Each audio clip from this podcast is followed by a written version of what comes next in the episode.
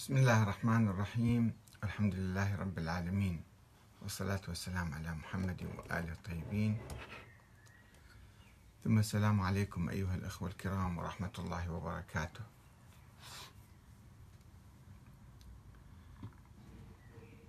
نناقش فيما يلي آه، كتاب علم الإمام للسيد كمال الحيدري. ونتوقف عند الفصل التاسع من هذا الكتاب آه، وهو بيان معنى أن في أحاديث أهل البيت صعب مستصعب. وكما أشرنا في الحلقات السابقة بأن هذا الكتاب هو محاضرات كان ألقاها السيد كمال الحيدري في حوزة قوم قبل سنوات. وقيل بأنه تراجع عنها ولكنه نشرها مؤخرا في كتاب. ولذلك نود مناقشتها. وهدفنا من هذا النقاش هو إعادة العقل الشيعي إلى القرآن الكريم وإلى العلم الصحيح والعقل السليم بدلا من أن يأخذه الغلاة والخرافيون. إلى أماكن شتى وبعيدة عن القرآن وعن مصلحة المسلمين. الغلاة نشأوا حوالي أهل البيت حوالي عشر حركات من الغلاة في القرن الأول والثاني والثالث الهجري ونسبوا أشياء كثيرة إلى أئمة أهل البيت فشوهوا سمعتهم وأبعدوا الناس عنهم وحاولوا آه، ركوب التيار الشيعي التيار المعارض العريض للطغاة والمستبدين في تلك الأيام. ولكن هؤلاء الغلاة بأحاديثهم وبثقافاتهم وب المستوردة من أديان أخرى ومن عوالم أخرى أساسا. نسبوا أشياء عجيبة غريبة إلى أئمة أهل البيت. وبالخصوص نسبوا هذه الأحاديث إلى الإمام الباقر وجعفر الصادق بالدرجة الأولى وربما بعض الأحاديث لأئمة آخرين. وكان المفروض في أي عالم باحث محقق أن يحقق في هذا التراث قبل أن ينقله إلى الناس هذا التراث موجود في الكتب القديمة الصفراء ككتاب الكافي مثلا. وبصائر الدرجات وكتب كتب الغلاة التي انتشرت في تلك القرون. كان المفروض بأي عالم أن آه، أن يبحث بصورة علمية دقيقة في هذه الروايات في سندها في مصدرها في رواتها الأوائل في عرضها على القرآن الكريم حتى يشوف هذه الروايات يعني آه، صحيحة أو خاطئة. هذا أولا. وثانيا هذه مفيدة أو أو لا تفيد أي شيء تضر ولا تنفع. يعني أبحاث عقيمة. وقد استعرضنا في حلقات سابقة ما يقوله آه، الغلاة حول علم الأئمة أنه ينزل عليهم وحي آه، الله سبحانه وتعالى ينكت في قلوبهم آه، يصير عندهم إلهام عمود من نور نقر في الأسماع كأنهم أنبياء. حتى قال بعض هؤلاء الغلاة بأن الأئمة أنبياء. ما في فرق. إذا صدقنا بهذه الأحاديث فيجب أن نقول بأن الأئمة أنبياء أو فوق الأنبياء وفوق المرسلين. كما أيضا قال بعض الغلاة وأيضا كرر أقوالهم السيد كمال الحيدري مع الأسف الشديد. الآن نقف إلى آه، عند محطة مهمة جدا. هناك أحاديث آه، تقول إن حديث أهل البيت صعب مستصعب. لا يحتمله إلا ملك مقرب أو نبي مرسل أو عبد امتحن الله قلبه بالإيمان. وفي أحاديث أخرى بالأكثر من ذلك تقول أن حديثنا صعب مستصعب.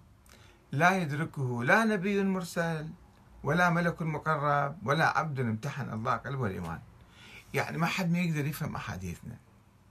وإذا إحنا تحدثنا فيجب أن تصدقوا بكل ما نقول. بكل خرافة وبكل أسطورة وبكل أكذوبة وبكل شيء مناقض للعقل ومناقض للقرآن. إذا وصلكم هذا الحديث فأنتم سلموا اقبلوا فيه لا تناقشوا وهذا ما يحاول السيد كمال الحيدري أن يبرر هذه الأحاديث ويفلسفها ويشرحها ويفصلها وكذا. وخمسين صفحة في هذا الكتاب اللي يتألف من 600 صفحة وأكثر. كله يتحدث عن علم الإمام فيجي لهذا الموضوع أنه أحاديث أهل البيت صعب آه، أو حديثهم صعب مستصعب ما حد بيقدر يفهمه. خلاص أنت لا تفهم.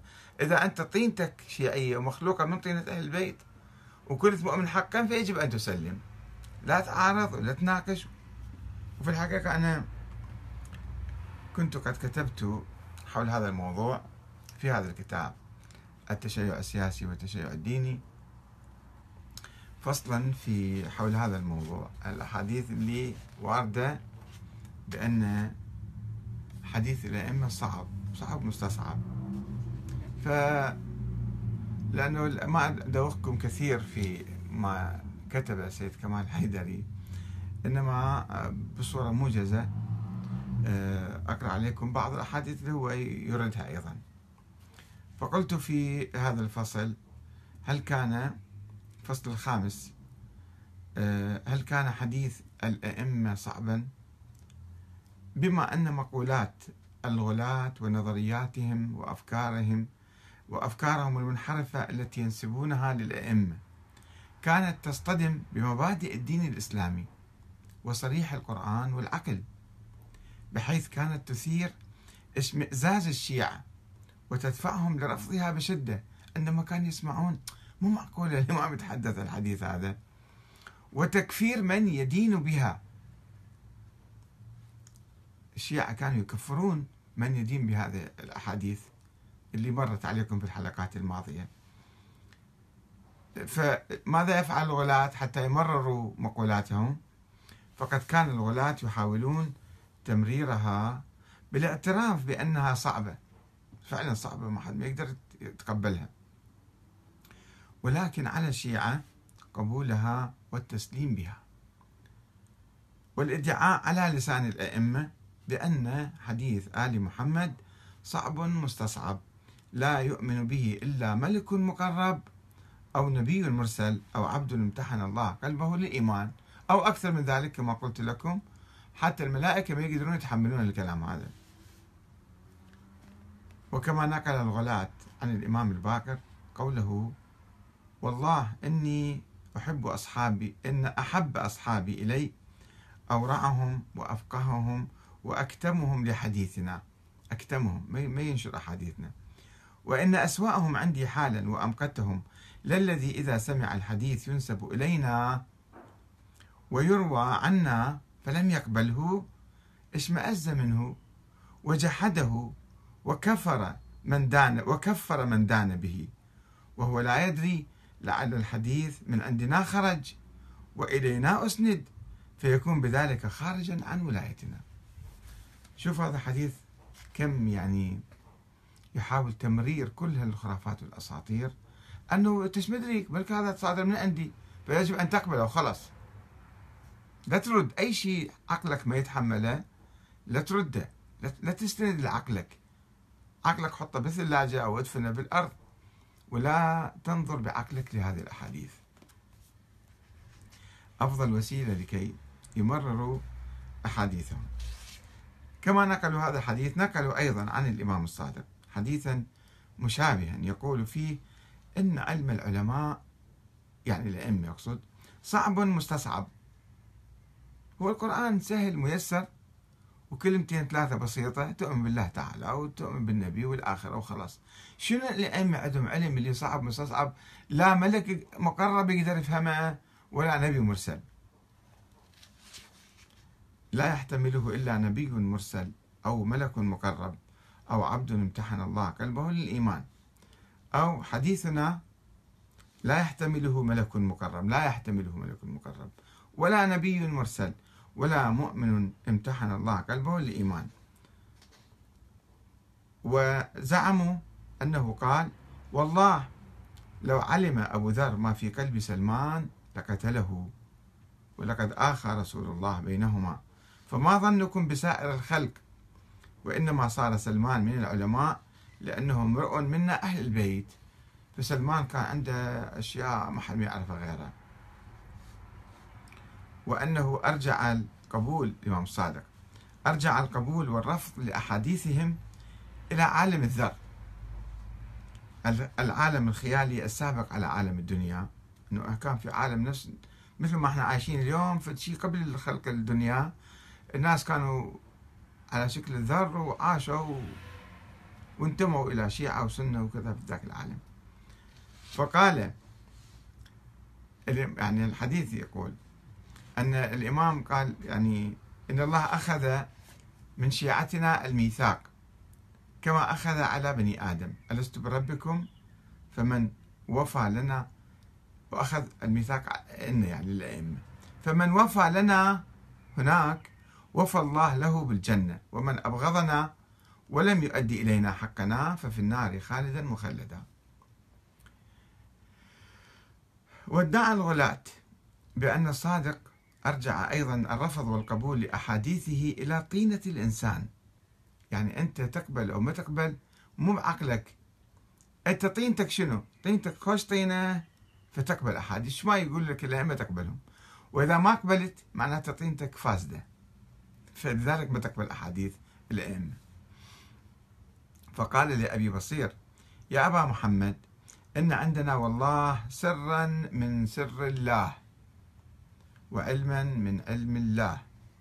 والله ما يحتمله ملك مقرب ولا نبي مرسل ولا مؤمن امتحن الله قلبه للإيمان. بعد من إذا يعرف ويحتمل؟ إذا لا الملائكة ولا الرسل ولا المؤمنين. والله ما كلف الله ذلك أحدا غيرنا ولا استعبد بذلك أحدا غيرنا. وإن عندنا سرا من سر الله وعلما من علم الله أمرنا بتبليغه فبلغنا عن الله ما أمرنا بتبليغه فلم نجد له موضعا ولا أهلا ولا حمالة يحتملونه حتى خلق الله لذلك أقواما من طينة خلق منها محمد وآله وذريته عليهم السلام. ومن نور خلق الله ومن نور خلق الله منه محمدا وذريته وصنعهم بفضل صنع رحمته التي صنع منها محمدا وذريته. فبلغنا عن الله ما أمرنا بتبليغه أو فبلغنا عن الله. هذول الناس اللي مخلوقين من طينتنا فقبلوه واحتملوا ذلك. فبلغهم ذلك عنا فقبلوه واحتملوه. وبلغهم ذكرنا فمالت قلوبهم إلى معرفتنا وحديثنا. فلولا أنهم خلقوا من هذا لما كانوا كذلك. لو ما مخلوقين من طينتنا ما كانوا قبلوا أحاديثنا. لا والله ما احتملوه. ثم قال إن الله خلق أقواما لجهنم والنار. فأمرنا أن نبلغهم كما بلغناهم. واشمأزوا حكينا معهم بس ما صدقوا من عندنا. واشمأزوا من ذلك ونفرت قلوبهم وردوه علينا ولم يحتملوه وكذبوا به وقالوا ساحر كذاب. فطبع الله على قلوبهم وأنساهم ذلك. ثم أطلق الله لسانهم ببعض الحق فهم ينطقون به وقلوبهم منكرة. ليكون ذلك يعني هو يتكلمون بس قلوبهم ما قابلة بعدهم. ليكون ذلك دفعا عن أوليائه وأهل طاعته ولولا ذلك ما عبد الله في أرضه. فأمر فأمرنا بالكف عنهم والستر والكتمان. فاكتموا عمن أمر الله بالكف عنه. واستروا عمن أمر الله بالستر والكتمان عنه. لا تتكلموا بأحاديثنا لكل الناس. الناس شيء حتى الشيعة ما يقبلوها. قال ثم رفع يده وبكى وقال اللهم إن هؤلاء لشرذمة قليلون.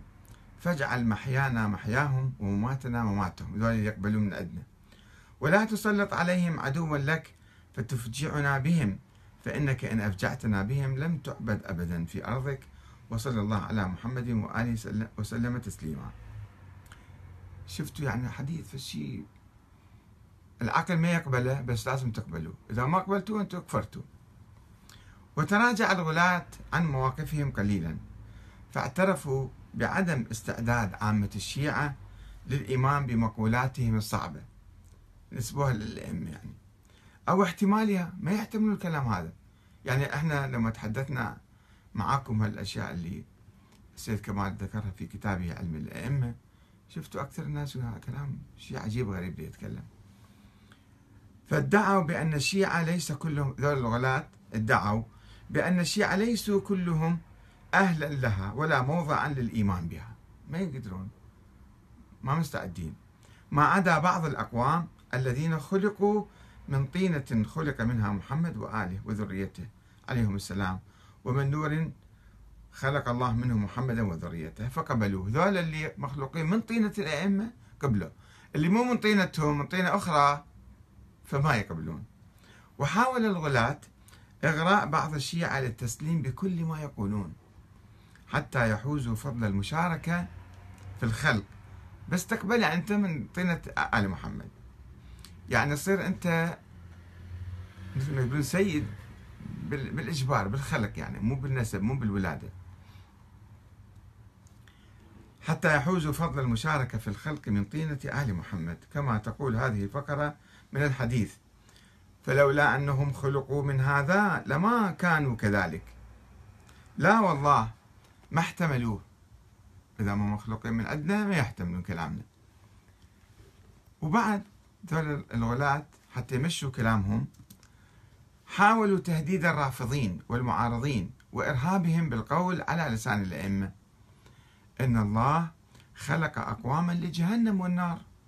فأمرنا فأمرنا أن نبلغهم كما بلغناهم واشمأزوا من ذلك ونفرت قلوبهم وردوه علينا ولم يحتملوه وكذبوا به وقالوا ساحر كذاب. فطبع الله على قلوبهم وأنساهم ذلك. أي واحد اللي يسمع هالخرافات والأساطير وما يصدقها فهذا يروح من أهل, من أهل النار يصير. وزعم الغلاة أن الإمام الصادق أوصاهم قائلا من سره أن يستكمل الإيمان كله فليقل شوف شلون آه، شلون عبودية فكرية وثقافية. فليقل القول مني في جميع الأشياء قول آل محمد فيما أسروا وما أعلنوا. عندهم شكلين يتكلمون أشياء بالسر وأشياء بالعلن. فاللي بالسر وبالعلن أنا أقبل من عندهم. وفيما بلغني عنهم وفيما لم يبلغني. اللي وصلني واللي ما واصلني أنا أصدق به مسبقا يعني.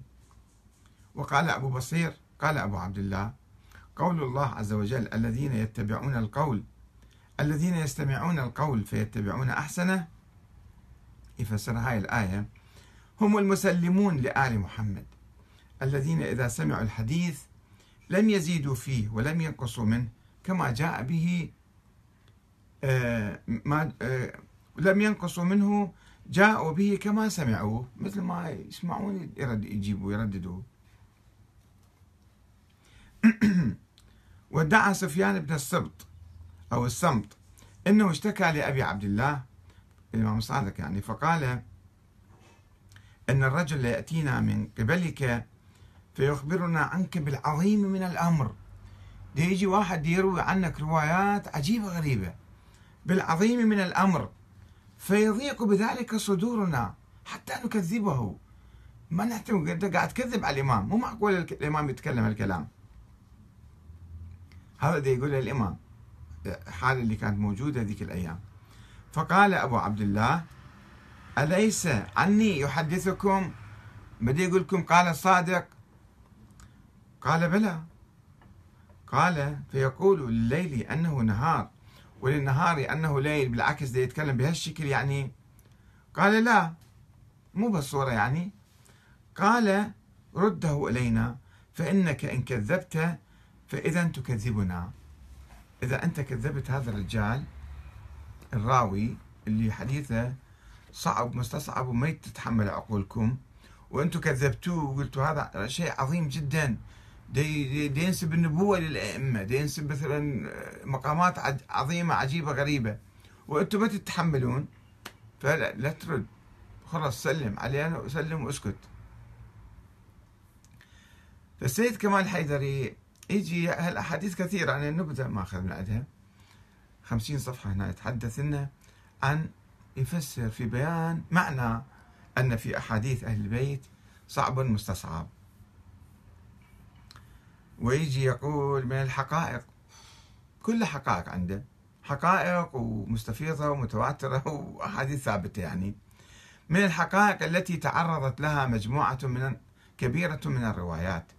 وأولتها عناية فائقة ما جاء في وصف بعض أحاديث أهل البيت بالصعب المستصعب الذي لا يحتمله إلا ملك مقرب أو نبي مرسل أو عبد امتحن الله قلبه الإيمان بل في بعضها أنه لا يحتمله لا ملك مقرب ولا نبي مرسل ولا مؤمن امتحن الله قلبه الإيمان إيه شنو هذا الدين وشنو العلم وشنو المسائل اللي لا الملائكة ولا الأنبياء ولا المؤمنين يعرفوها؟ شنو جايب شيء جديد على الإسلام؟ ويعلق عليها ويقول وهذه حقيقة مهمة. ينبغي حقيقة حقيقة مهمة هذا هكذا يقول السيد كمال. ينبغي تسليط الضوء عليها وبيان المراد منها لأن لها ارتباطا وثيقا بمستوى المعارف والحقائق التي يتوفر عليها أئمة أهل البيت. عليهم السلام. شنو كان عندهم أهل البيت؟ ما شنو يعني شنو سووا شنو أضافوا؟ وهل نتائج الحقائق والعلوم وينها؟ ما شايفين شيء إحنا. ألف سنة الشيعة صار لهم نايمين و... ومهمشين وبعيدين عن الحياة و... ب... هالأحاديث ما ما أفادتهم شيئا. فيجي يقسم المبحث الأول. أبحاث عقيمة. وغير علمية مناهج غير علمية. يعني ما في لا توقف عند رواية ولا عند سند ولا عند مصدر ولا رأس الكتب وين ما موجودة يجيب وصفط الكتب وصفط الروايات. هذا شلون منهج علمي؟ ودي دي, دي قضية كلش مهمة جدا أيضا. تعرضت المبحث الأول أقسام المعارف التي يتوفر عليها أهل البيت. تعرضت نصوص متعددة لأقسام المعارف والحقائق التي يتوفر عليها أئمة أهل البيت. منها ما ورد عن صفوان ابن كذا عن أبي بصير. اللي قرأت لكم هذا الحديث أن عندنا والله سرا من سر الله وعلما من علم الله. القسم الأول المعارف التي لا يحتملها إلا شيعتهم. شيعتهم مخلوقين من طينتهم مو شيعة عاديين. يعني عندنا شيعة مثل ما يقولون أصليين وشيعة تبعية أو شيعة فيلبس كما يسموهم. يعني مو مو أصليين صنع الصين. بينت مجموعة من الروايات أن من معارفهم ومقاماتهم عند الله ما لا يحتمله. كل سنة يكرر المسألة هذه. المهم خلينا نمشي. باختصار أمر عليه مرور الكرام يعني لأنه ما أدوخكم ولا أخذ وقتكم لم يستحق الحديث كثيرا حقيقة.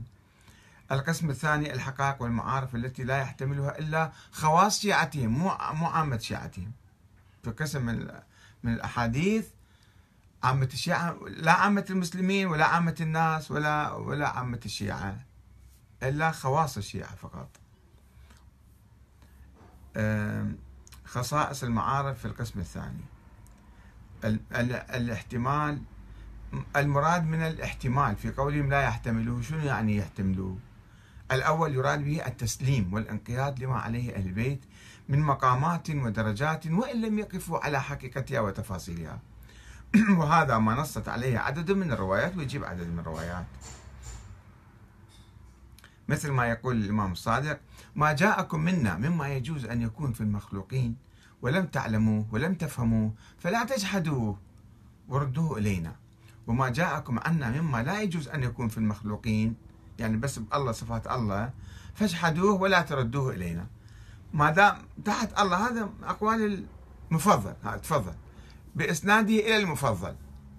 المفضل ابن عمر هذا زعيم الفرقة المفوضة اللي كان سابقا من منتمي لفرقة الخطابية اللي يقولون الأئمة آلهة. بعدين شوية تنزل هو سوى له فرقة جديدة فتح له دكان جديد يعني. كان يقول لا نزلونا عن الربوبية وقولوا فينا ما شئتم. وهذا حديث من عنده وصير يجيبه كما هو وينزله عن عن ابن عيسى بإسناده إلى المفضل. أي. وما جاءكم بس إذا يتعلق بالله يعني بصفات الله لا تقبلون. إذا أقل شوية ما يخالف أقبلوه. من سره أن يستكمل الإيمان فليقل القول مني في جميع الأشياء قول آل محمد فيما أسروا وفيما أعلنوا وفيما بلغني وفيما لم يبلغني. العجيب كل عن المفضل ينقل أحاديث آه، عن المفضل ابن عمر. آه، الكتمان شنو المقصود فيه؟ خصائص المؤمن الممتحن. أيضا نتحدث عنه. و يعني فقط آه، أجي أمر على العناوين لأنه ما أريد أطول عليكم كثيرا. يشرح ويفصل ويبرر و... الشيء اللي لازم يسويه أول شيء أنه يثبت الأحاديث ويشوف من قائلها هذا ما يعمله. القسم الثالث الحقائق والمعارف التي لا يحتملها إلا أهل البيت. أول شيء حقائق طبعا المسلمين ما يعرفوها ولا يتحملوها. كلام عجيب غريب ما يقبلوه. إلا الشيعة. الشيعة فقط يتحملون الكلام يعني هذا. وهناك كلام آخر ما يتحمله عامة الشيعة إلا خاصة الشيعة. وهناك أمور أخرى حقائق ومعارف لا يحتملها إلا أهل البيت فقط هم يعرفوها ويتحملوها. غيرهم حتى كل الشيعة ما يقدرون حتى الخلص والخاصة ما يقدرون يفهموها. اللي هذا يسميه لا يحتملها إلا ملك مقرب. لا ملك مقرب ولا نبي مرسل. حتى الأنبياء ما يتحملوها. شنو هاي؟ في شيء عجيب غريب حقيقة. يعني مو شيء ما يتحملوها حتى الملائكة وحتى الأنبياء والرسل ما يتحملوها. إذا شنو هذا الشيء اللي عندهم يعني؟ شوي فكر يا سيد كمال يا عزيزي يا حبيبي. يعني هذا أنت وين وصلت بالكلام هذا. وين ماشي بهالمنهج اللا علمي؟ شوي اجتهد بالموضوع شوي أفكر فيه. يعني أنه عندهم مقامات يعني شنو عصر الله قالوا اللي حتى الملائكة ما يتحملوها.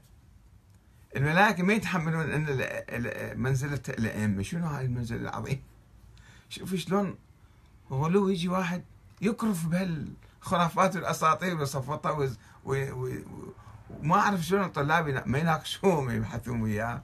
يعني في الحوزة من واحد يجي يتكلم على الأقل شوية خلي يصير نقاش بحيث شلون هالكلام هذا؟ يا سيدنا في رمضان إحنا الآن ونرجو أن أنت إن شاء الله بطل من هالسوالف هذه.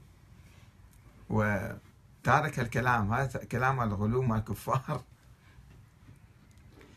إن من معارفهم ومقاماتهم ما لا يحتملها لا ملك مقرب ولا نبي مرسل ولا مؤمن امتحن الله قلبه للإيمان هذا ما يتحمل.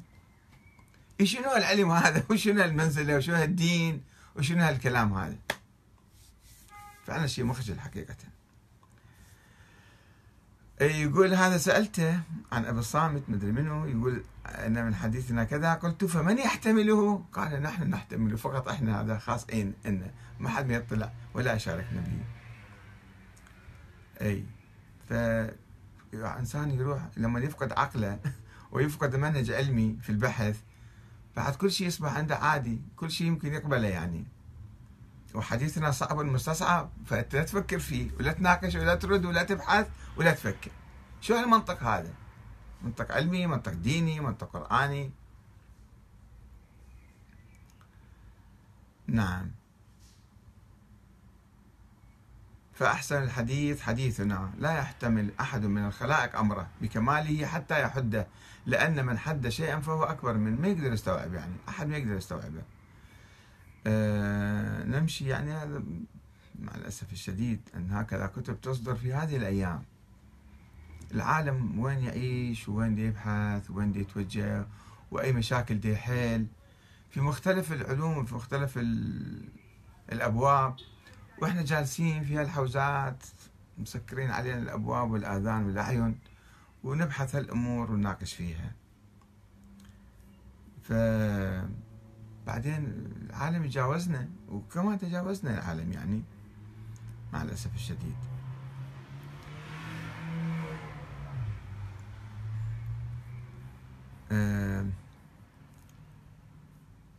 ونمضي إلى المبحث الثاني. السبب في اجتماع الأحاديث على الصعب المستصعب لحل الآن. المقدمة الأولى وجود المحكم والمتشابه في أحاديثهم. ما نقدر نفهم كل شيء أحاديثهم. مو دائما يتكلمون بصورة صريحة وواضحة وبينة لا. هم مثل القرآن عندهم أحاديث متشابهة فلازم أنت فردوا متشابهها إلى محكمها ولا تتبعوا متشابهها دون محكمها فتضلوا السبب في وجود المحكم والمتشابه ليش؟ دي يفسر ويبرر ويأول ويشرح بعدين المقدمة الثانية تناف تفاوت الناس في استعداداتهم. الناس عقولهم مو شكل واحد. أكو واحد يقبل بالخرافات وأكو واحد ما يقبل. فشو نسوي له إحنا؟ فأكو ناس هذا عقلهم الشكل. فهو يتحدث على الناس اللي يقبلون كل شيء كل خرافة وكل أسطورة.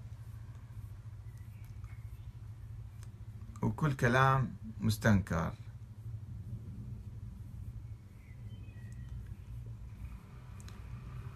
آه، ما أدري منو راح يقرأ الكتاب وماذا سوف يستفيد منه وماذا سوف يغير من حياته ونظراته. أبحاث عقيمة. أبحاث عقيمة وتأويلات تعسفية للقرآن. مثلا يقول جعلت فداك. عن عبد الله بن سنان. هذا من الرواة الضعاف الشيعة يضعفوهم. قال أتيت أبا عبد الله فقلت له جعلت فداك. ما معنى قول الله عز وجل ثم ليقض ثم ليقضوا تفثهم بالحج هاي تفث التفث يعني شنو؟ قال عليه السلام أخذ الشارب وقص الأظافر. هاي يسموه التفث. وما أشبه ذلك. قال قلت جعلت فداك فإن ذريحا المحاربي الواحد آخر حدثني عنك أنك قلت ليقضوا تفثهم يعني لقاء الإمام وليوفوا نذورهم. تلك المناسك بعدين. قال ينقل عنك شيء آخر فليقضوا تفثهم يعني يروحون يشوفون الأئمة. قال عليه السلام صدق ذريح وصدقت أنت. إن القرآن ظاهرا وباطنا ومن يحتمل ما يحتمل ذريح ذريح كان يحتمل نقول له مثلا نفسر الآية هذه أنه وليقضوا تفثهم يعني لقاء الإمام. أنت ما احتملت. أكو ناس يحتملون أكو ناس ما يحتملون. زين أنت قاعد تفسر القرآن كيفك؟ يعني شنو اللي يقضوا تفثهم يعني تعلق على الإمام؟ وين جبت المعنى من الآية هذه؟ هاي جاية في الحج ويقضوا نذورهم و... وكذا. ف إدخال أشياء يعني مو تأويل هذا إنما هذا إقحام أشياء بالقوة بالقرآن وتفسيرها بشكل كما واحد يريد يعني. طيب تسأل الإمام مثلا أنت شلون تفسر القرآن هكذا؟ ولك أنت ما تتحمل عقلك صغير ما يتحمل الشيء هذا. وذاك ذريح لا ذريح كلش كان. منو يتحمل مثل ما يحتمل ذريح ذريح كان كلش. أصلا فاقد عقله بالمرة إيش ما أكو يسمع يعني.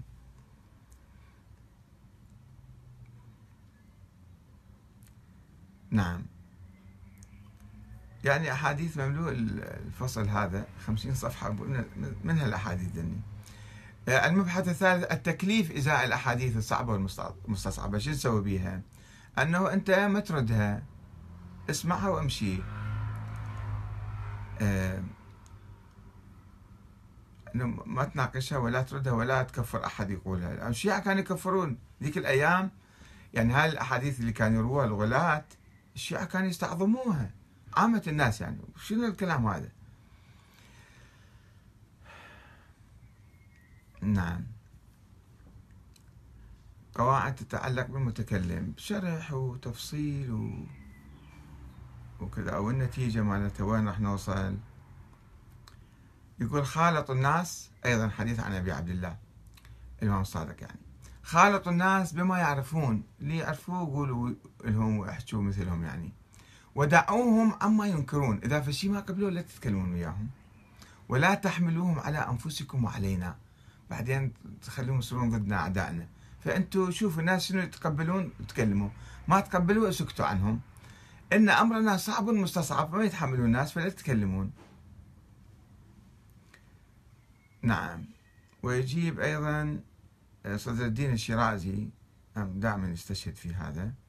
اللهم اجعل قبور هذه الأسرار صدور الأحرار واحرسها عن استرقاق أسماء الأشرار المطرودة من عالم الأنوار. رب اجعل هذه الكلمات في روضة من رياض الجنة ولا تجعلها في حفرة من حفر النيران. القسم الثاني ما يتعلق بالمتلقي والسامع. القسم الثالث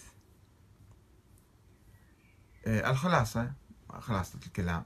أن المعارف التي توفر عليها أهل البيت على أقسام علومهم على أقسام. المعارف القسم الأول المعارف التي لا يتحملها إلا شيعتهم عامة المسلمين عامة الناس ما يقدرون يتحملوها. القسم الثاني المعارف التي لا يتحملها إلا خواص شيعتهم. القسم الثالث المعارف التي لا يتحملها إلا هم عليهم السلام. اثنين السبب في اشتمال أحاديث أهل البيت على آه، آه، الصعب المستصعب. وليش هذا أيضا فسره آه، في عدة أشياء.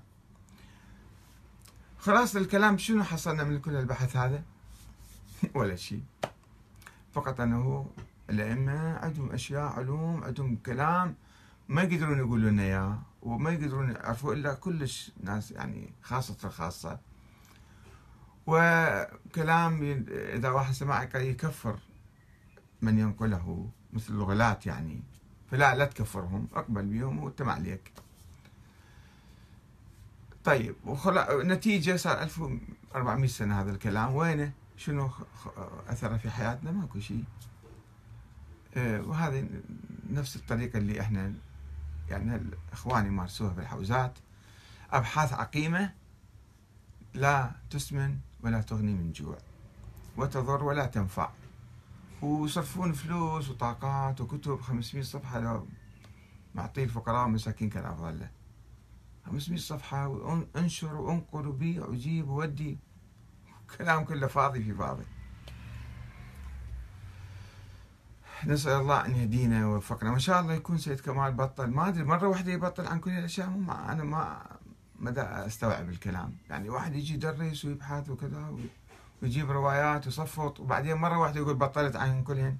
وأنا أتمنى أسمع من عنده بالشريط أو فيديو أو شيء يقول يا بتر أنا بطلت عن السوالف. هو هذا الكتاب راح أحرقه أو بالشط. السلام عليكم ورحمة الله وبركاته.